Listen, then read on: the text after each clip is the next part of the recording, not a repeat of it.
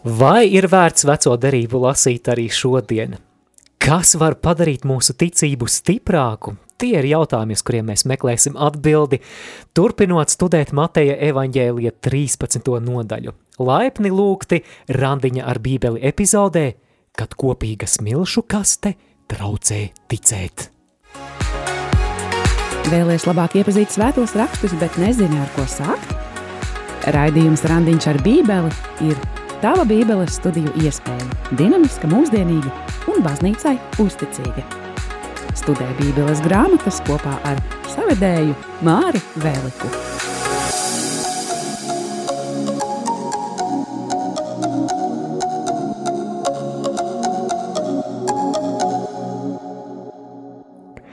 Esiet sveicināti, dārgie randiņi ar bībeli draugi, dārgie bībeles lasītāji un to, kas topat par bībeles lasītājiem šeit studijā ne tikai Māris Veliks, bet arī Olga Dādeka. Mēs turpinām Mateja evaņģēlijas studijas un sirsnīgs sveiciens arī mūsu video straumes skatītājiem.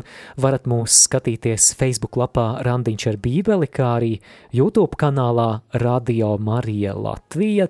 Tiešraides, jā, par ko mēs runāsim šoreiz?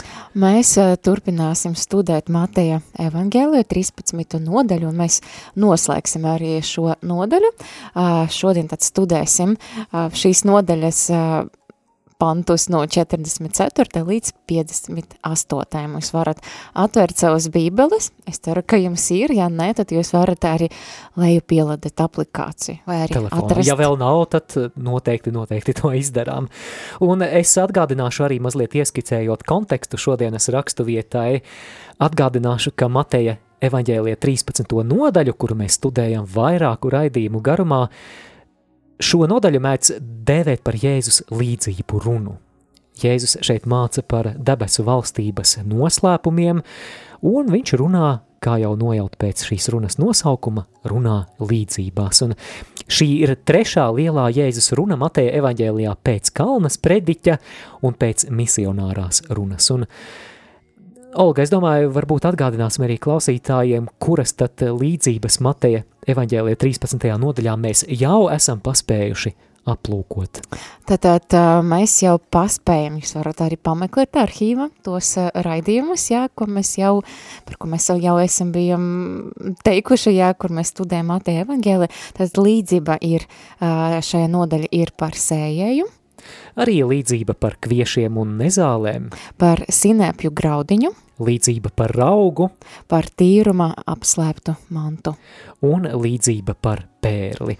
Un eh, visas šīs minētās bībeles studijas meklējiet Radio Marija Latvija arhīvā, arī YouTube un eh, Spotify ierakstot randiņš ar bībeli kā arī Facebook lapā Randiņš ar bībeli. Un šodien mēs pabeigsim studēt Jēzus līdzību runu, aplūkojot dažas atlikušās līdzības. Jā, tad, ja jums patika līdzības, noteikti lasat Mateja 13. nodaļu, ne tikai, ne tikai šo raidījumu klausieties, bet arī aicinām izlasīt visu šo nodaļu. Bet, Jā. jā, tad šodien ir, jā, pēc kārtas mēs ejam mums atlikušas līdzības par tīklu un zīvim, Arī līdzība par jaunām un vecām lietām, un arī noslēgam, noslēgsim stāstu ne ar līdzību, bet ā, ar tādu stāstu, kā Jēzus netiek pieņemts savā pilsēta, Nacerēta, kur viņš bija izaudzis. un tāpēc arī raidījuma nosaukums, kad kopīga smilšu kaste traucē ticēt. Un, ā, protams, kā vienmēr klausītāji un skatītāji, mēs meklēsim arī atbildi uz jautājumu, kā šis vārds praktiski attiecas uz mūsu dzīvi, bet vispirms lūksim Dievu, Dieva tēva un dēla un svētā gara vārdā. Amen. Mēs lūdzam svētais gars izlējies krīti pār klausītājiem, krīti pār mums šeit studijā un lai tava klātbūtne kā mākonis mūs ieskauj, iedvesmo, lai dara mūsu nejūtīgās sirdis dzīves, mūsu prātus atvērtus. Un mēs lūdzam, lai tava vārda studijas mūs, mums palīdz iet uz priekšu mūsu svētuma aicinājumā un palīdz vairāk iemīlēt Jēzu Kristu mūsu pestītāju. Nāc svētais gars Jēzus Kristus vārdā. Āmen. Amen. Un svētais Matei Lūdz par mums.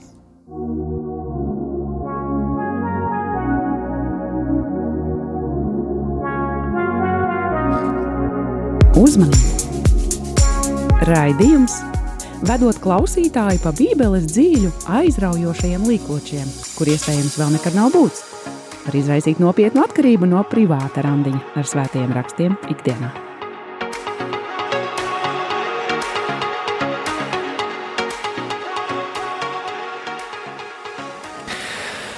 Lasīsim šodienas pirmo līdzību, tā būs līdzība par tīklu un zivīm, tātad Mateja evaņģēlija 13. nodaļa, un ja sekojat savās bībelēs, tad lasām līdzi šobrīd no 47. līdz 48. pantam. Edmund? Vēl debesu valstība līdzīga tīklam, izmestam jūrā, kas savilka visādas zivis, un kad tas bija pilns, tad viņi to izvilka krastmalā un nosēdušies izlasīja labās, traukos, bet sapūšās izmeta laukā. Jā, Jēzus šo līdzību runā Kapernaumā vai tās tuvumā. Droši vien kāds no radio klausītājiem pat vairāki noteikti ir apmeklējuši Svēto zemi un noteikti arī ir bijuši Kapernaumā, kas bija miests Galilejas ezera krastā. Starp citu, Olga, es Kapernaumu sasniedzu ar velosipēdu, apbraucot wow. apkārt. Es nemaz nebiju. Mm, Kapernauma. Nekas tad uh, ir, ir vērts nākotnē noteikti aizbraukt. Jā, bet tā kā šis bija ciemats Galilēs ezera krastā, tad ļoti iespējams, ka Jēzum bija ļoti vienkārši šo līdzību runājot saviem mācekļiem parādīt uzskatāmu piemēru, jo mm. ezera krastā netrūka laivu, netrūka tīklu, un mēs atcerēsimies arī, ka daļa no Jēzus apustuļiem, vismaz četri no viņiem, bija patiešām rūdīti tīklu un zivju eksperti. Jā, varbūt arī kādi rādījumā arī klausītāji, ka es dzīvo pie jūras, varbūt viņi arī ir zvejnieki un viņam ir tā saskarsme ar ziviem, nu ne tikai pie jūras, pie citiem ūdeņiem arī, un viņam arī tā līdzība varbūt ir ļoti tuva, bet kas interesanti, tad Galilejas ezera ir mīt vismaz 20 dažādas um, zivju sugas, kā to saka internets, ja, un lielāka daļa no tām ēdamas, un, bet ir dažas, kuras nav ēdamas. Piemēram, Mūzes likuma uh, bija teikts arī jūdiem, ka viņam nedrīkst, piemēram, ēst zīvis bez zviņam, jā, tad uh, viņas, viņas tiek uzskatītas par nešķīstam, piemēram, piemēram, līdzīgi kā čūska, zuši vai sami, vai ir varbūt vēži, nezinu, vai tur ir vēža sēde, ja? bet, nu, tad nerunājot arī par tām kaut kādam beigtam ziviem, varbūt kaut kādam slīvam, slimam, ko nemaz negribētu ēst, ka līdz ar to, jā, tad pa, pa tīkla, tīkla var savākties visādas zīvis, jā, un tad uh, pēc tam jau izvēlkot tīklu ārā, tad jau notiek tā škirošana. Jā, un uh, svarīgs jautājums, protams, arī, kas tad šajā līdzībā ir kas? Kas ir tie tīkli, kas ir labās un sliktās zivis? Atcerēsimies, ka Jēzus šeit runā par debesu valstību, kā dieva aktīvu valdīšanu, kas līdz ar Jēzus atnākšanu ir iesākusies jau šeit zemes virsū. Tātad ne tikai mūžība, bet jau šeit, jo Jēzus ir atnācis Dieva valstība ir tuvu klāt pienākusi. Ja? Un ar šo līdzību Jēzus vēlas paskaidrot kaut ko būtisku šīs valstības kārtībā. Sāksim ar to, ka līdzība mums atgādina mācekļu aicinājumu būt par cilvēku zvejniekiem. Jā, atcerēsimies Mateja evaņģēlijā 4. nodaļu 19. pantu.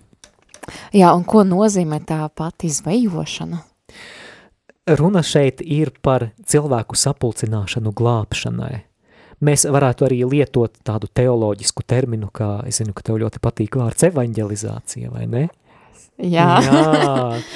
Caur sludināšanu. Sludināšanu. Un, un caur šo evaņģēlijas sludināšanu cilvēki tiek sapulcināti līdzīgi kā zivis tīklos un darīti par Jēzus sekotājiem. Un šie evaņģēlie tīkli, protams, tiek mesti pār ļoti plašu cilvēku loku, pār visdažādākajiem ļaudīm, un tie, kas ir atsaukušies šai vēstī, tiek glābti, bet tie, kas nav atbildējuši evaņģēliem, ir tās sliktās zivis šajā līdzībā.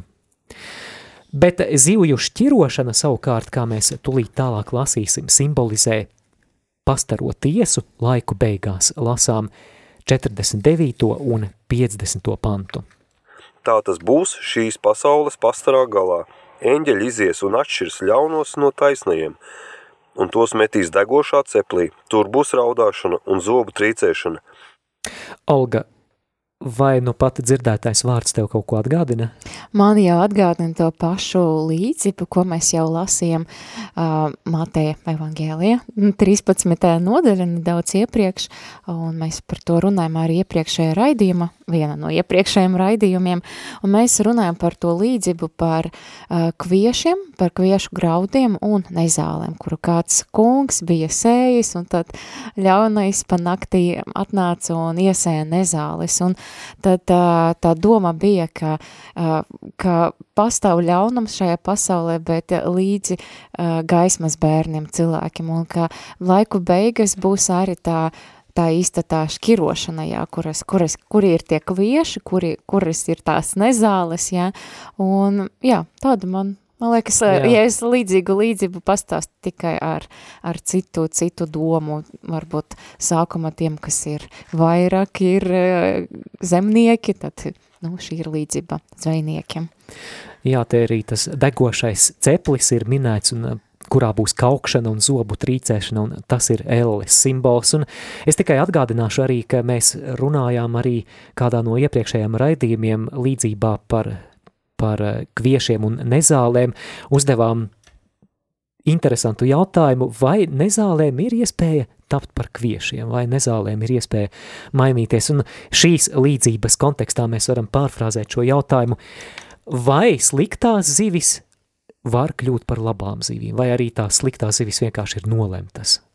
Es domāju, nē. ka nē. Es domāju, protams, ir iespēja. Protams, jā, jo, jo mēs vispār Mateja evaņģēlijā daudzkārt redzam šo tēmu, ka Jēzus ir nācis glābt grēciniekus, nevis tos pazudināt. Viņš saka, nevis veselajiem ir vajadzīgs ārsts, bet slimajiem. Tātad Jēzus dod iespēju atgriezties ikvienam.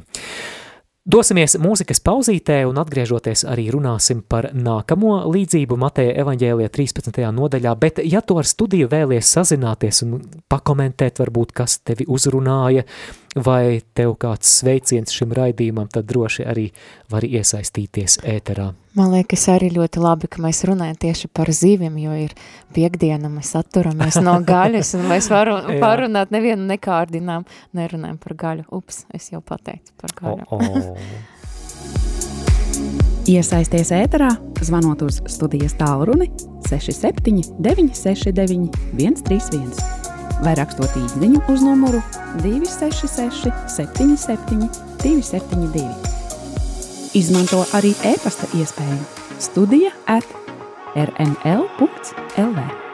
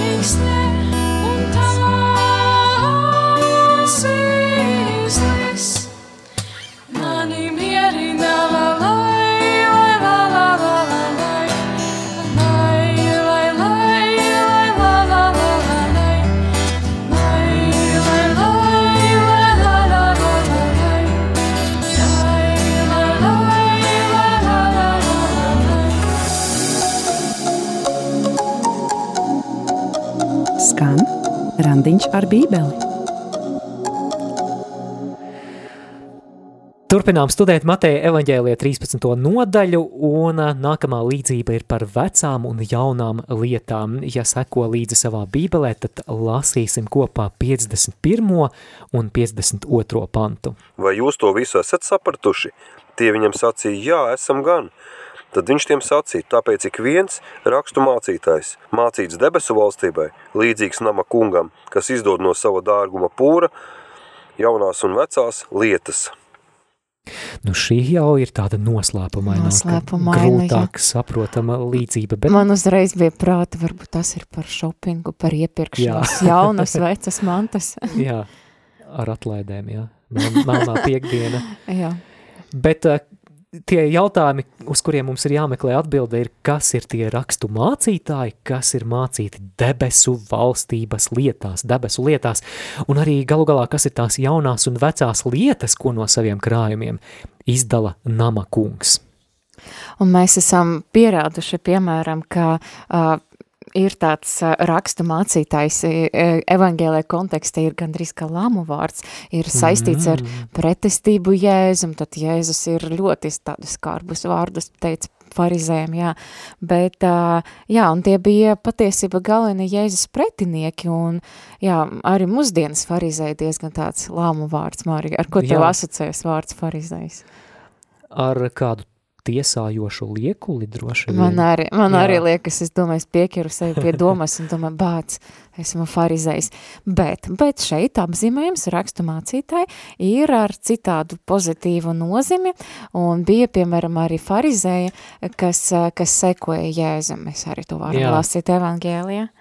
Un pievērsiet uzmanību, ka Jēzus šeit runā par rakstu mācītāju, kas mācīts debesu valstībai. Jā, atcerēsimies, ka rakstu mācītāji no farizēju vides taču neko negribēja dzirdēt par Jēzus sludināto debesu valstību, bet Jēzus šeit runā par jaunajiem rakstu mācītājiem, un kas tie ir? Tie ir Jēzus mācekļi. Jēzus mācekļi, kuri mēs varētu teikt kļūst par jauno alternatīvu tām vecajām rabīnu skolām. Viņi ir ievadīti debesu valstības noslēpumos, tajā, ko vecie rakstu zinātāji ir kategoriski atteikušies pieņemt. Un, kad Jēzus jautā mācekļiem par iepriekšējām līdzībām, vai viņi tās ir sapratuši, mēs nu pat arī dzirdējām Edmunda lasījumā, ko atbild Jēzus mācekļi, esam gan. Mm. Jā, tātad viņi ir atvērti saprast debesu valstības noslēpumus. Bet ar ko tad Jēzus salīdzina šos jaunos rakstu zinātājus? Tad es nolasīšu, ik katrs rakstu mācītājs, mācīts debesu valstībai ir līdzīgs nama kungam, kas izdod no sava krājuma jaunas un vecas lietas. Jā, viņi ir nama kungi vai pārvaldnieki, varbūt pārvaldnieks, varbūt saprotamāks mums vārds. Jautājums, ko tad viņi pārvalda, kas ir tās jaunās un vecās lietas, ko viņiem ir uzticēts izdalīt? Un tad, nu, tas, ko komentāros ir izdevies atrast, Vecās lietas ir eh, vecās derības atklāsme. Savukārt jaunās lietas ir Jēzus nesta atklāsme. Šodien mēs to sauktu par jauno derību vai par evaņģēliju. Un kas interesanti, tad vecas, vecie rakstu zinātāji tad spēja izdot tikai vecas lietas, jā, jo viņi, jā, viņi ir vecē derība, viņi kaut kā palaida garam, lai, to uh, Jēzus atnākšanu un to atklāsmi par Jēzu, ka tas viss norādīja uz Jēzu, bet savukārt uh, Uh, jā, tad viņi iestrēguši tajā, bet jaunie rakstī, rakstu zinātāji, tie ir Jēzus mācekļi, tad spēj dot gan tas vecas lietas, spēj interpretēt uh, vecas lietas, un arī spēj dot tas jaunas lietas. Mēs arī redzam, piemēram, ka ļoti bieži, kad apustuļi sludināja apustuļi darbos, tad viņi ļoti bieži atsaucas uz veco derību, jā, tad viņi skaidroja jūdiem, kā, kā, ka viss, viss norādīja uz Jēzus atnākšanu. Un arī evaņģēlists Matejs, un to mēs arī vairāk kārt esam uzsvēruši iepriekšējos raidījumos, savā evaņģēlijā bieži citē veco derību, to sauc par piepildījuma citātiem vai formulas citātiem, ar kuriem viņš eh, jūdu izcelsmes kristiešiem, kas ir galvenie šī evaņģēlija mērķa auditorija vai adresāti, cenšas parādīt, ka Jēzus patiešām ir vecajā derībā apsolītais mesija, Dieva svaidītais. Jā, mēs te dzirdējām, ka jaunie rakstu zinātāji, tātad Jēzus mācekļi, dod tālāk ne tikai jauno, bet arī veco. Jā, To labo tātad, veco. jā, tātad Jēzus nenoraida iepriekšējo Dieva atklāsmi vecajā derībā. Atcerēsimies Jēzus vārdus Kalnas prediķī Mateja 5.17. Es neesmu nācis atmest bauslību un praviešus, bet Piepildīt. piepildīt, jā. Ko Bet- nozīmē vārdi, jā, kaut ko Bet arī jautāt? viņš paaugstināja to latiņu, piemēram, par baušļiem, ka, nu, ja pat Jā. uh, tev būs, tev nebūs nogalināt, viņš saka, tev nebūs ne tikai nogalināt, tev nebūs arī ļaunu vēlēt ienest tavu Jā, brāli. dusmoties. Dusmoties, jā. Jā. jā, bet redziet, viņš to latiņu paaugstina, bet neatmet veco. Mm. Un eh, Jēzus neatmet, bet piepilda. Un tas, ko atklāja Jēzus, mēs varam teikt, ka ir loģisks turpinājums tam vecajam, kas jau ir vecajā derībā. Šī Jēzus sludinātā vēsts par valstības evaņģēliju nenoslauka kā ar buldozeru maliņā visu iepriekšējo, bet to, to piepilda. Tātad vecais nav atmetams, bet Jēzus atklāsmes gaismā to var integrēt šajā debesu valstības perspektīvā. Mums nav šodien raidījumā vairāk laika uzkavēties pie šīs ļoti sarežģītās tēmas, bet dziļāku, dziļāku ieskatu šajā sarežģītajā jautājumā par Jēzus attiecībām ar vecās derības likumu meklējiet eh, randiņš ar bībeli 12. epizodē Buldozers vai ceļamkrāns. Jēzus attiecības ar vecās derības likumu. Tātad randiņš ar bībeli 12. epizode meklējiet arhīvā. Kā dzirdētais attiecas uz manu dzīvi?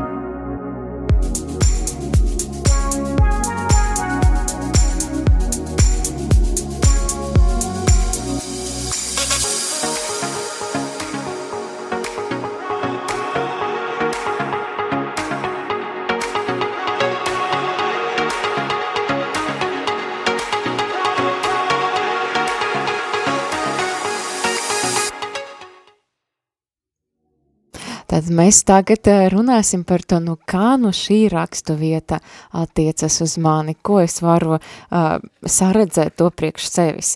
Un mēs arī varam parunāt viens no jautājumiem par to, vai vispār mums ir kristieši mūsdienu cilvēkiem ir vērts lasīt uh, veco derību, vai, vai man tikai koncentrēties uz jaunu derību un ar to man pietiks. Māri, kā tu domā? Es domāju, tā lasi? kā, es, protams, lasu, es domāju, tā kā domā katoliskā baznīca, ka arī šodienas kristietim vecās derības teksti ir ļoti, ļoti svarīgs ticības avots. Mēs nu pat dzirdējām šo līdzību no Mateja evaņģēlija 13. nodaļas, kur debesu lieca, lietās ievadītais rakstu zinātājs no saviem krājumiem izdod gan jaunās, gan vecās lietas. Šeit arī, arī vecajam ir liela nozīme. Un katoliskās baznīcas katehismā te ir vērts ielūkoties šajā biezajā grāmatā. Es ceru, klausītāji, ka arī tavā grāmatu plauktā šis vērtīgais izdevums ir. Tagad būs citāts, tāpēc tā, tagad cerams, ka mani dzird vēl. Nav Dzird, dzird, es Jā, tevi tātad- dzirdu, viss Tātad par, labi. par veco derību, ja? Jā, kas tad katehismā ir teikts, ka vecā derība ir neatņemama svēto rakstu sastāvdaļa. Hmm, Man jau šķiet, ka šis viens teikums ļoti daudz ko izsaka. Tās grāmatas ir dievišķi iedvesmotas, un tām ir nepārējoša vērtība, jo vecā derība nekad nav tikusi atcelta. Jā, Jā. Tie, tieši tā. Un kas arī interesanti tomēr, tomēr, ka ir atzīts, ka vecas derības grāmatas satur tomēr nepiln, nepilnīgas un pārējošas lietas. Jā, mēs zinām, ka Jēzus atnāca, lai piepildītu vecas eh, derības pravietojumus, jā, un tagad lasot veco derību, mēs to nu, neuztveram tik burtiski, piemēram, mēs uh, lasam par, par templī, par uh, Dieva pavēli uzcelt templī un kā tur viss notika un kā notika uh, upurēšana, tad visu to dzīvnieku upurēšanu, tad mēs lasam tajā kontekstā, jā, ka Jēzus piepildēja arī šo, šo, šo, šo jomu, jā, un ka Jēzus ir tas pilnīgais upuris, kas atnāca, lai aizvietotu tas vecas derības upurus, jā, kas ir bijušas, bijušas nu, nepilnīgas, jā, un tad ziņa tas viss tikai sagatavoja tām Jēzus upurim, ka viņš ir tās jērs, kas tika nokauts. Jā, Olga, tu jau arī minēji par tām nešķīstajām zivīm. Zivis, kas bija bez zvīņām, tika uzskatītas par nešķīstām, un arī tādi mūzus likuma priekšraksti, kas attiecas uz šķīstajiem un nešķīstajiem ētieniem, uh, Arī, ja mēs lasām jau jauno derību apustuļu darbu grāmatu desmito nodaļu, mēs redzam, ka visi ēdieni tiek atzīti par šķīstiem, un visas šīs normas, turpinot citēt katehismu, tomēr liecina par Dieva atpestījošās mīlestības prasmi audzināt. Tam visam ir bijusi sava nozīme, sagatavojot cilvēci – pestītāja Jēzus Kristus atnākšanai. Es zinu, ka apustulis Pāvils arī vēstulē galatiešiem, ja nemaldos, 4. nodaļā pievēršas šim jautājumam par bauslības lomu, sagatavojot cilvēkus Jēzus atnākšanai. Bet neskatoties uz to, arī ir kaut kādas nepārējošas lietas un gudrības Daudz. arī šodienai. Jā. Piemēram, gudrības grāmatas, nu vienkārši lieliskas, jā, es teiktu, psalmī un, un, un salamāna pamācības un, un ījāpa grāmata, man liekas, ļoti, ļoti um, ļoti fantastiskas arī šodienai aktuālis, piemēram, atkal lasot katehismu, mums šodien arī sanāk ne tikai randiņš ar bībeli, bet arī ar katehismu, ne? jā, tad, jā, citēšu, jā, tajas, tajas atrodas cildina mācība par Dievu, svētīga gudrība par cilvēka dzīvi, abrīnojama lūkšanu krātuve, tajas visbeidzot glābājas mūsu pestīšanas noslēpums. Jā, šeit bija minēta cildena mācība par Dievu vecajā derībā. Patiešām mēs daudz ko varam uzzināt par Dieva godību, par viņa majestātiskumu. Mēs dzirdējām arī, ka vecā derība ir svētīga gudrība par cilvēka dzīvi, un tu jau minēji to gudrības literatūru, bet eh, ir vērts arī mācīties un smelties iedvesmu no vecās derības patriarhu un O, citu jā. varoņu dzīves stāstiem. Dāvida. Dāvida, Ābrahama, Īzaka, Jēkaba, Esteres, Rutes un no citiem dzīves stāstiem, kas turpina iedvesmot. Jā, es atkal atsaucos uz to gudrības, uz gudrības grāmatu. Man liekas, arī fantastiska grāmata ir tomēr psalmi. Tā ir, tā ir lūkšana. Jā, es biju kādreiz dzirdējusi uh, tādu ieteikumu, es neatceros, kurš no, kurš no baznīcas pateica, ka paņem psalmu un izdari to par savu lūkšanu, padari to par savu lūkšanu, lai uh, tas psalms, kas, uh, ko tu lūdzes, lai tā ir tava lūkšana. Protams, tu vari atrast uh, viena no daudziem, daudziem psalmiem, kas rezonē ar tevi un kas ļoti tūs tev. Man liekas, arī šā, šī šī ir fantastiska iespēja. Un arī, un arī mēs lasām arī gudrības grāmatas ļoti tādus praktiskus un, es teiktu, dažreiz pat aspratīgus, tādas aspratīgas domas, un, bet arī, jā, arī par, par finansēm, par attiecībām, par attiecībām ar vecākiem, ar bērniem, un ļoti par, par vairākam sfēram, kas ir ļoti, ļoti interesanti. Par vecās derības aktualitāti varētu runāt vēl daudz, bet mums nav laika ilgāk pie šīs tēmas uzkavēties, rezumējot dzirdēto lasi un iepazīsti arī veco, Veco derību. Jā, esi debesu valstības rakstu zinātājs, kurš kā labs pārvaldnieks pārvaldi gan veco, gan jauno. Pēc mūzikas pauzes atgriezīsimies. Atgriezīsimies ēterā.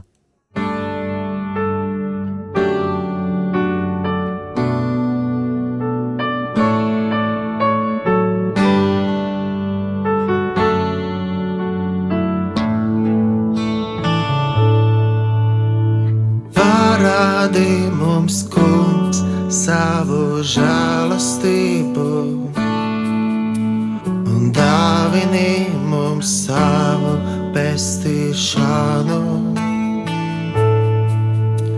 Es klausīšos, ko Dievs tas kungs runā.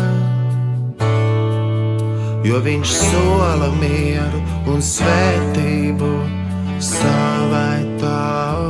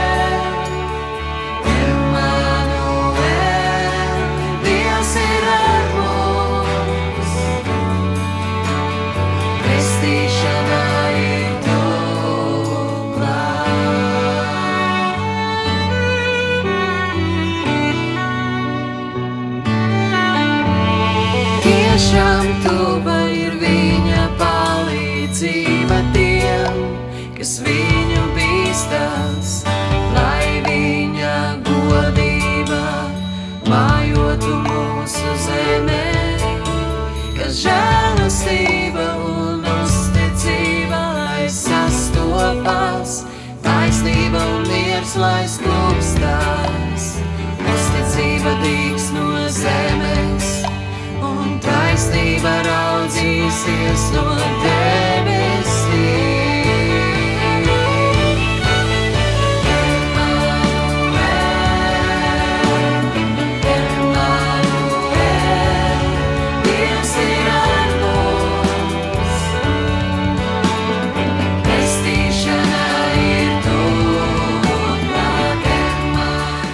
Savu skanējumu turpina randiņš ar bībeli 43. epizode ar nosaukumu Kad kopīgas milšu kaste traucē ticēt sveiciens visiem radio klausītājiem un visiem, kas mūs arī skatās video tiešraidē vai ierakstā. Mēs pirms brīža, turpinot studēt Mateja evaņģēlija 13. nodaļu, runājām par divām līdzībām, par labajām un sliktajām zivīm, kā arī par jaunajām un vecajām lietām. Mantam, lietām, Jā. jā. Olga, kas tev vēl būtu piebilstams par šī vārda aktualitāti šodien mūsu dzīvē? Man tomēr neatstāja tā doma par zīviem. Nezinu, varbūt tas ir saistīts ar piekdienu, jā. Par, parunāsim ļoti aktuāli. Jā, jā. Bet, bet patiesībā ļoti interesanti pārdomājot šo jomu, jā, šo, šo līdzību, jā, tad eh, man liekas interesanti, ka Jēzus tā norada, ka katram, uh, katram ir sava loma tajā debesu valstība, piemēram, cilvēku zvejniekiem aicinājums uh, met tīklus un savakt tas, tas zivis, bet viņam nav dota tā pavēle škirot tas zivis, un kas arī ļoti interesanti, Māri, vai ne? Jā, ļo, ļoti interesanti. Es jau nojaušu, uz ko tu vedini. Nē, man, man, man ā, tu vari, protams, var arī iesaistīties diskusijā, jā, bet ā, tāda interesanta doma, ka mēs, ka mēs aicināti, mēs aicināti evangelizēt, mēs aicināti, mēs esam aicināti sludināt ikvienam, Un visi, nešķirot. visiem, un nešķirot. Nešķirot. Tas ir Dieva darbs šķirot, kurš ir labs, kurš ir slikts, kurš uzklausīs, kurš būs pestīts, kurš ne, un, protams, ka tas atkarīgs no tā cilvēka stāvokļa, vai viņš pieņems vai nē, bet, kas interesanti, mēs neaic, ai- neesam, aicin, neesam aicināti ne šķirot, ne tiesāt, ne, ne, ne, jā. Jā, Un tas arī saistas ar to līdzību par, ā, par farizējiem, ko viņi darīja. Rakstu mācītāji. jā piedod. rakstu mācītāji, kas mācīti debesu lietās, izdot no saviem krājumiem jaunās un vecās lietas. Viņi nepatur sev. Nepatur sev, viņi neaizslēdz durvis debesu valstība, viņi nepatur sev, viņi dalas. Jā, mēs arī zinām Jēzus pārmetumu, tas sekos vēl krietni vēlāk Mateja evaņģēlijā 23. nodaļa par ā, farizēm, par to, ka viņi paši neienāk pa debesu valstības durvim un arī citus neielaiž. Jā, tā ka neturam sveci zem pūra, Jēzus mūs Mateja evaņģēlija 15. nodaļā ir aicinājis būt par ko? Par zemes sāli un pasaules gaismu, par un viņš saka, pilsēta, kas ir kalna galā, nevar tikt apslēpta. Tātad tai gaismai, ko tu, kā Dieva bērns, esi saņēmis, ir jāmirt šajā pasaulē. Un nebaidies, nebaidies mirdzot, mirdzēt, nebaidies starot. Tu esi tam aicināts.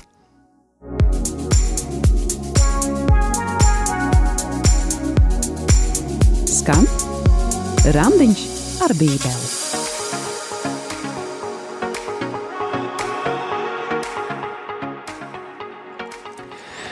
Nākamais Mateja evaņģēlija 13. nodaļas fragments no 53. līdz 58. pantam varētu būt patiešām fragments, kuru mēs varētu tā arī nosaukt, kad kopīga smilšu kaste traucē ticēt. Klausāmies. Un notika, kad Jēzus šīs līdzības bija beidzis, viņš aizgāja no turienes un nonācis savu tēvu pilsētā, viņš tos mācīja viņu sinagogā, tā, ka tie brīnījās un sacīja, no kurienes šim tāda gudrība un tāds spēks, vai viņš nav Namdara dēls, vai viņa māte nesauc Marija, un viņa brāļi nav Jēkabs un Josefs, un Sīmanis un Jūda, un vai visas viņa māsas nav pie mums, no kurienes tad šim viss tas, un tie apgriecīgi piedaudzījās pie viņa, bet Jēzus viņam sacīja, pravietis nekur nav mazāk cienīts, kā savā tēva zemē un savās mājās, un viņš nedarīja tur daudz brīnumu, viņu neticības dēļ. Pirms mēs ar Olgu skaidrojam un interpretējam nu pat dzirdēto rakstu vietu par to, kā Jēzum gāja viņa paša pilsētā nāceretē. Dargo klausītāji, ja tu varbūt arī skatītāji, ja tu šobrīd seko līdzi sociālajos tīklos, tad būsim no sirds pateicīgi, ja evanģelizācijas nolūkos, lai mestu tos tīklus, lai neturētu sveci zem pūra un lai palīdzētu arī radio kalpošanai aizsniegt ar vien vairāk cilvēku ieliec īkšķīti uz augšu, jā, ielaikojiet vai ielieciet sirsniņas, un es domāju, ka jums daudz neko arī nemaksā, patiesībā neko nemaksā, ja jūs arī, protams, ja jums patīk šis raidījums, tagad nošērotu to savā profilā. Es zinu, ka jums tas, tas pilnīgi neko nenozīmē nemaksā, bet, bet mums, kas kalpojam radio, tā ir sajūta, ka misionāriem ir pavērušās durvis uz jauniem ciematiem, uz jaunām teritorijām, vai ne? Jā, tad Jā. še, šerojiet sociālistu, šerojiet sociālistu tīklus, lai mēs varētu mēst tīklus. Jā, un tas viss, lai Dievs varētu skārt iespējami vairāk cilvēkus, un no sirds jau tagad pateicamies, lai Dievs jūs visus svētī un bagātīgi, bagātīgi atlīdzina. Bet par šo rakstu vietu. Tad par šo rakstu vietu tad, mēs redzam, ka Jēzus dodas uz nācerēti, un nācerēti ir bijusi tā pilsētiņa, par ko dažreiz teica, nu, kas var labs nakt no nācerētes, kur Jēzus ir bija uzaudzis un pavadīja savu mūža lielaku daļu, un tad viņš um, atgriezās uh, atpakaļ uh, uz nācerēt, un jau bija sinagoga, un vietē, vietē bija ļoti izbrīnīti par, vi, par viņu, jo viņi jau kopš bērnības viņu zināja, un, un uh, viņus pavada tāda skeps, un runāt par šodienas uh, raidījuma tēmu, nosaukumu, jā, mēs varam pārfrazēt, un tā kā um, tāda veida, ka Viņi varēja domāt tā, vai tad mēs ar šo cilvēku, ar šo Jēzu nebijam spēlējuši viena smilšu kaste, vai tad mēs neesam pie viņa pirkuši krēslus, galdus un visu pārējais mēbeles, vai tad viņš varētu būt tāds brīnumdāris pēkšņi. Jā, tāpēc par šīs epizodes nosaukumu mēs esam izvēlējušies vārdus, kad kopīgas milšu kaste traucē ticēt, un visdrīzāk šaubu pamatā šeit nav skepse par to, vai Jēzus patiešām dara brīnumus. Iespējams, daudz no viņiem pat bija liecinieki. Drīzāk nāceretes iedzīvotāji šeit apšauba Jēzus kā dieva vīra tēlu. Nu, viņuprāt, ne jau no šādas vides, ne jau no mūsu ciema, ne jau no mūsu miesta jānāk lielam dieva cilvēkam, tam drīzāk ir jābūt kādam noslēpumainam tēlam, protams, ne jau no viņu pašu vides, varbūt kāds, kurš mistiski ierodas no tālienes un dara zīmes un brīnumus, bet nu, nu ne jau šis mūsējais.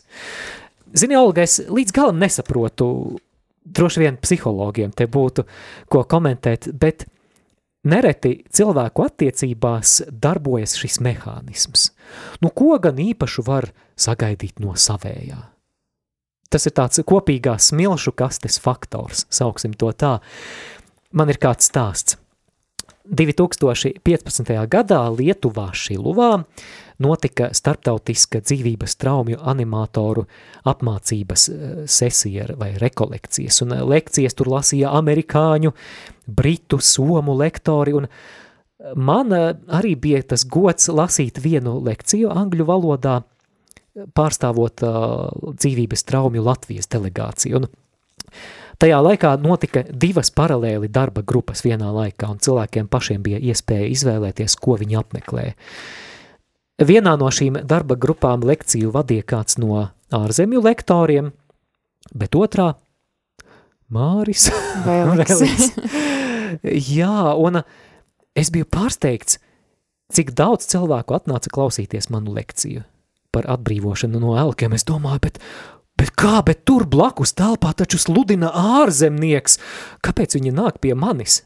Nu, protams, arī tēmai tur var būt vai kādiem citiem faktoriem nozīme, bet es tikai vēlāk aizdomājos par to, ka lielai daļai no šiem cilvēkiem, kas bija no Lietuvas, arī no citām valstīm, es biju tāds pats ārzemnieks kā pārējie ārzemnieki.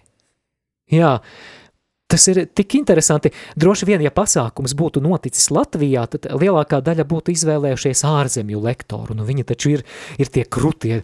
Un tam nav nozīmes, vai viņš ir vienkārši kāds automehāniķis vai vienkārši zakristians draudzē. Es domāju, gan rādījumā arī klausītāji izvēlētos tevi, Māri, tomēr. Labi, par to, par to es nezinu, bet Par to labi, var balsot, jūs varat ārz- uzrakstīt Mani mums. var dzirdēt regulāri, viņš jau taču ir mūsējais, nu kurš tad nezina Māri Veliku, jā, bet, bet par mani varētu teikt, nu jā, labi. Bet, jā, klausītāji, ja, ja te, tevi Dievs iedvesmo, varbūt, ja Dievs tevi aicina, pamēģini aizbraukt kalpot kaut kur ārzemēs, tu redzēsi, ka cilvēki pavisam citādāk Mm. uz, uztvers. Jā, un līdzīgs ā, psiholoģiskais mehānisms arī šeit darbojās nāceretes iedzīvotājos. Jēzus, Jēzus, Ješua, Jāzepa dēls, galdnieks? Puh, ko no savējā var sagaidīt? Šis ir tas kopīgās smilšu kastes faktors. Jā, tieši tā, un mēs redzam, ka, ka Jēzus arī nevarēja darīt daudz brīnumu viņu neticības dēļ, jo uh, mēs arī lasam, jā, piemēram, uh, Mateja 9. nodaļa, ka Jēzus, uh, Jēzus atbildēja divi maklājumi, lai viss notiek pēc jūsu ticības, un kas interesanti, brīnumi un ticība ir tie divi faktori, uh, kas, uh, kas iet kopā, un jo lielāka ticība, jo vairāk brīnumu, un šīs ir tās divas, divas saist- saistītas lietas, un, un jā, tad, ja es teicu, lai jums notiek pēc jūsu ticības, mēs redzam, kā nacerēta nebija tā ticība, un mēs kaut kā līdzīgi ielikam Dievu tādā kastīte, smilšu kastīte vai kā Jā, maza ticībiņas maza kastīte kaste. kastīte, un Dievs nevar, nevar darboties, jo mēs no Dievam nesagaidām, mēs no Dieva nelūdzam, un tad mums arī nenotiek, jo Dievs, Dievs respekte mūsu ticība, ticības rāmīti, ticības kastīti. Ja mēs, piemēram, neticam, kā jo Dievs joprojām dziedina, un mēs nelūdzam par to, tad mēs arī to nepiedzīvosim. Jā, protams, Dievs var darboties dažādi, bet, bet arī Jēzus vairāk kārt to uzsver, ka ticībai ir liela nozīme tam, lai no Dieva saņemtu vairāk. Kā dzirdētais attiecas uz manu dzīvi?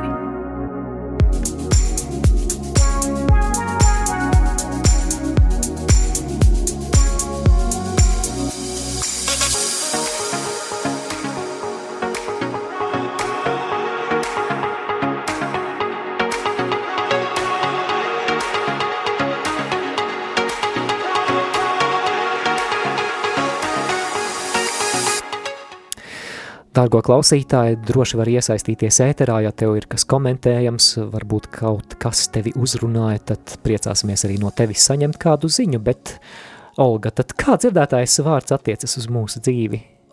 Man liekas, stāsta par, par Jēzu un par naceretes iedzīvotājiem, kas bija eh, klātesoši tajā laika, kad Jēzus tur dzīvoja. Man liekas, skaidri var redzēt to uh, masticību un, un uh, ka tas ir šķērslis, lai Dievs darbotos, bet tā nav problēma Dieva, man liekas, jo mēs varam lūgt Dievam, lai Dievs mums pavairo mūsu ticību.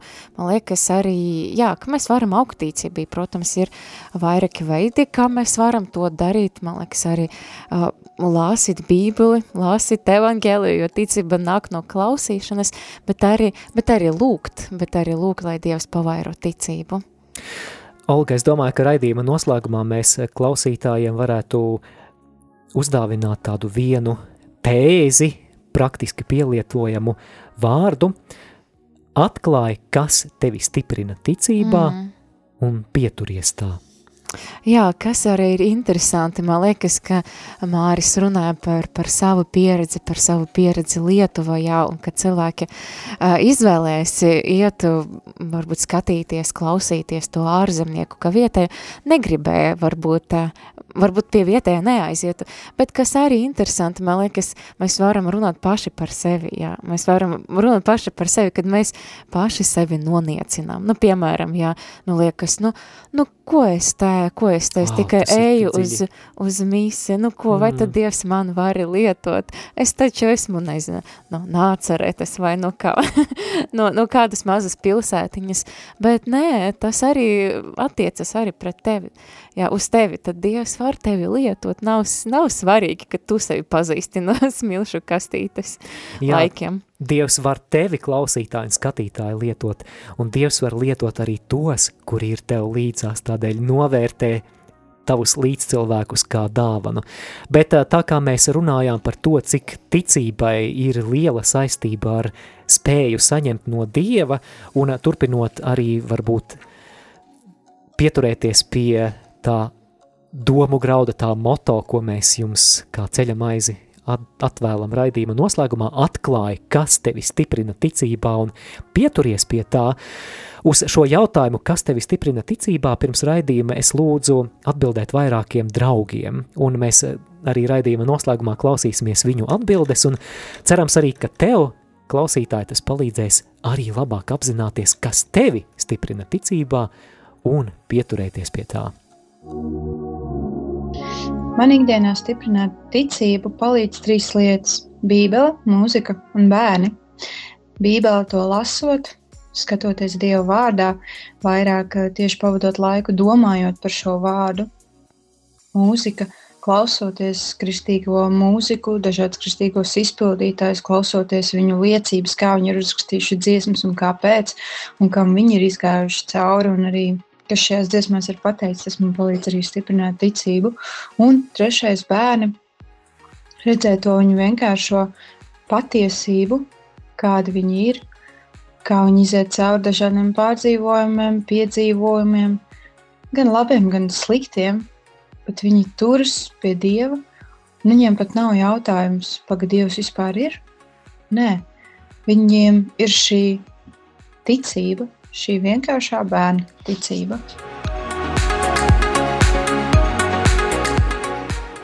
Dievs ir brīnišķīgs, un ticību viņš stiprina ļoti dažādos veidos. Viens no skaistajiem veidiem ir, kad ieklausos viņā, dzīvē svarīgos un netik svarīgos lēmumos. Saku viņam, es atdodu šo situāciju tavā priekšā. Es uzticos tev. Un nevienu reizi manas domas ir pretējas Dieva domām un viņš dod pilnīgu mieru viņa lēmumam. Mans prāts un egoisms pazūd. Pēc kāda laika skatos un saprotu. Slava tev, kungs, ka uzticējos tavai apredzībai. Man ticība palīdz stiprināt zināšanas, pirmkārt, zināšanas par Dieva apsolījumiem. Nu, piemēram, ka es zinu tādas rakstu vietas, kā, ka es netikšu pārbaudīta vairāk par to, cik es spēju panest, vai atkal, ka tiem, kas Dievu mīl, visas lietas nāk par labu. Šādi te panti palīdz stiprināt ticību un palikt tādai drosmīgai. Vēl pieredze, pieredze tieši no dažādām dzīves situācijām, kurās ir būts un kuras ir likušās pilnīgi bezizējā un šausmīgas un drausmīgas un vispār bez atrisinājuma, un ka tomēr viņas atrisinās. Un tā pieredze, lai gan arī, protams, ir jau tā kā Izraēļa tautai, ka mātkalnā kurnēšana virsū, lai gan tikko ir bijis kāds brīnums, bet tomēr tā pieredze kaut kur atmiņā ir, un tu zini, ka ar Dievu viss nokārtosies un viss būs labi. Manu ticību stiprina svēto rakstu lasīšana un dalīšanās savās pārdomās eh, par ikdienišķām situācijām, kurās es piedzīvoju Dievu vai ar kādām grūtībām es cīnos ar citiem cilvēkiem, un arī sadzirdēt, ka arī citi ir līdzīgās situācijās, un kad visa dzīve patiesībā ir cīņa. Nevienam nav kaut kas ļoti viegli. Tāpat manu stipri, ticību stiprina notikumi, kad es eh, paļaujos uz Dievu un pēc tam redzu rezultātus, kā viss ir atrisinājies, kā viss ir noticis pārsteidzošā kārtībā.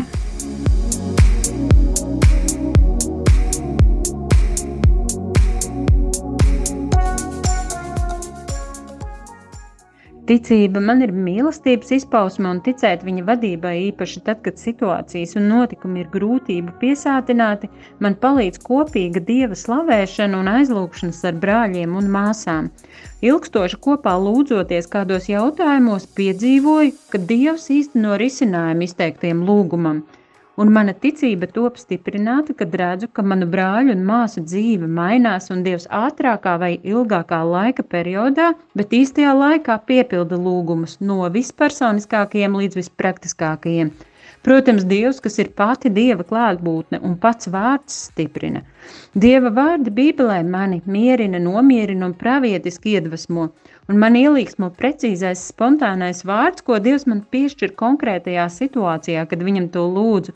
Bieži Dievs liek smaidīt un acīs man sariež sasars, kad atveru bībeli, bet tie atvērtie vārdi ir tik precīzi, cerīgi un motivējoši. Man veltītais spontānais Dieva vārds bībelē un arī caur Dieva iedvesmotiem redzējumiem un pravietiskiem vārdiem no brāļiem un māsām ļauj raudzīties nākotnē, uz esošo situāciju ar Dieva uzvaras acīm un būt pārliecinātai, ka viss, ko viņam uzticu, viņš īsteno īstajā laikā, un tas viss stiprina manu ticību.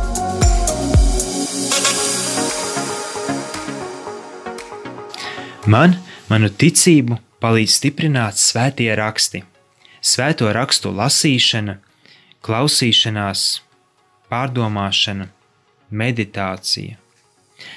Noteikti arī svētās mises, un cilvēki, kas dzīvo svētajā garā, kas izvēlas dzīvot svētajā garā, kas patiesi dara visu saskaņā ar Dieva gribu, vismaz cenšas darīt saskaņā ar Dieva gribu, un tādi cilvēki, kas ir tikko pieņēmuši Jēzu par savu kungu un pestītāju, tādi, kuru acis deg, kuri raujās, lai izdzīvotu savu ticību, kuri cenšas liecināt it visur, kur viņi iet. Un noteikti man manu ticību palīdz stiprināt arī lūkšana, kas ir ļoti svarīga un neatņemama mana dzīves sastāvdaļa. Un tā ir lūkšana gan vienatnē, klusumā, gan arī kopīga lūkšana ar citiem. Gan lūkšanu grupā, es pats esmu svētā Jāzepa vīru lūkšanu grupas dalībnieks, Un e, šī vīru sadraudzība tā ir ļoti īpaša. Tā tiešām dāvā tādu lielu spēku, lielu tādu drosmi, iedzīvē uz priekšu, un šī vīru sadraudzība mani tiešām patiesi stiprina. Un arī lūkšana ģimenē. Lūkšana ģimenē tā ir tāda, tas ir īpašs laiks, kad mēs varam sanākt kopā un visu nolikt malā un kopīgi lūgties bieži vien pat negribās, un atrodas dažādi iemesli, kāpēc to nedarīt. Bet tomēr, kad mēs pārvaram šo nevaru, negribu, nav laika, tad mēs piedzīvojam tādu lielu spēku, lielu vienotību un tādu kopības sajūtu, kuru var piedzīvot tikai lūkšanā un tikai kopīgi lūdzoties. Un šī mūsu kopīgā lūkšana ir rožu kronis, kuru mēs katru vakaru cenšamies kopīgi arī lūgties, tas ir tāds īpašs kopīgs laiks, ko mēs nevienmēr gribam, bet saprotam, ka vienmēr vajag. Un tad, kad mēs tiešām sanākam kopā, visu atliekam malā, palūdzamies, ir tāda laba sajūta. Tāda laba, laba dieva klātbūtne. Patiesi tāds prieks.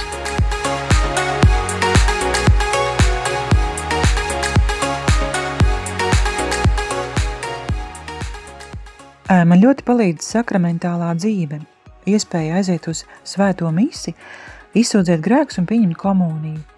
Palīdz arī atskats uz pagājušo nedēļu. Mums ir pavisam neliela lūkšana grupiņa, kurā sazināmies video zvanā un dalāmies par dzīvē notikušo. Un tas ļoti palīdz ieraudzīt dievišķo providenci savā dzīvē. Un palīdz um, svēto rakstu lasīšana, radio Marija un kristīgais radio, liecības un slavēšana, kuras ir pieejamas YouTube. Um, ļoti palīdz arī dalība iekšējās dziedināšanas programmā dzīvības strāmas, kur dalībnieki savstarpējās uzticēšanās gaisotnē dalās ar savām pieredzēm. Tas ļauj saprast, ka arī es savos pārdzīvojumos, pārbaudījumos un kārdinājumos neesmu viena, un to apstiprina arī Jēkaba vēstule 5.16. Izsūdziet cit citam savus grēkus un aizlūdziet cits par citu, ka to pat dziedināti. Daudz spēj taisni cilvēku lūkšana darbodamās savā spēkā. Tiešām ir labi saglabāt sadraudzību Kristus miesā, kurā var droši dalīties un saņemt atbalstu no aizlūkšanas. Es klausos uh, kristīgo mūziku, jo tā man palīdz pacelt dvēseli un atvērt sirdi dziļai un patiesai lūkšanai. Pēc šādas lūkšanas izmainās garīgā atmosfēra. Man ļoti palīdz arī kalpošana un brīži, kuros varu evanģelizēt. Un tieši evanģelizācija ir tas, kas piepilda sirdi ar īpašu prieku.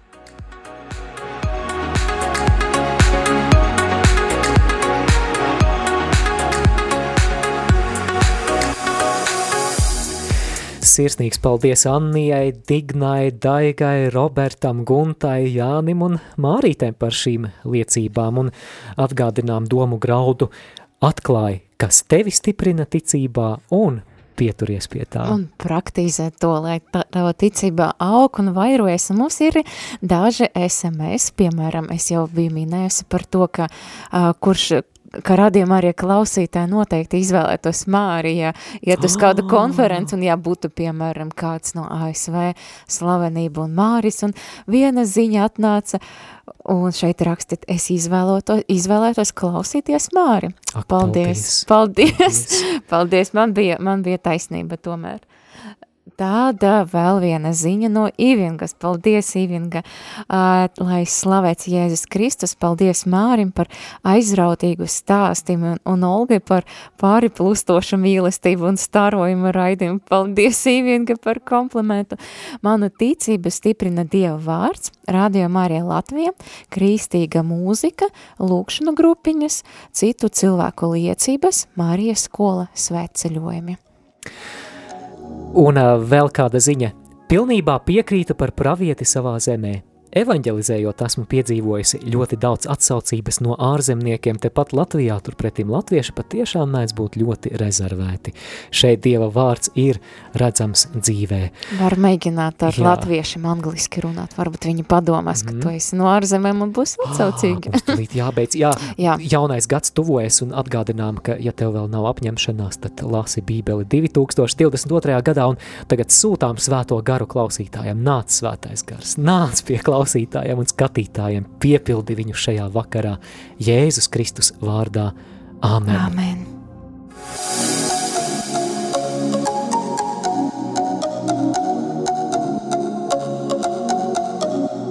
Jūs klausījāties raidījumu Randiņš ar Bībeli. Savas atsauksmes, ieteikumus un jautājumus sūtiet uz e-pastu randiņš ar bībeli at gmail.com. Iepriekšējās raidījuma epizodes aicinām meklēt arhīvā.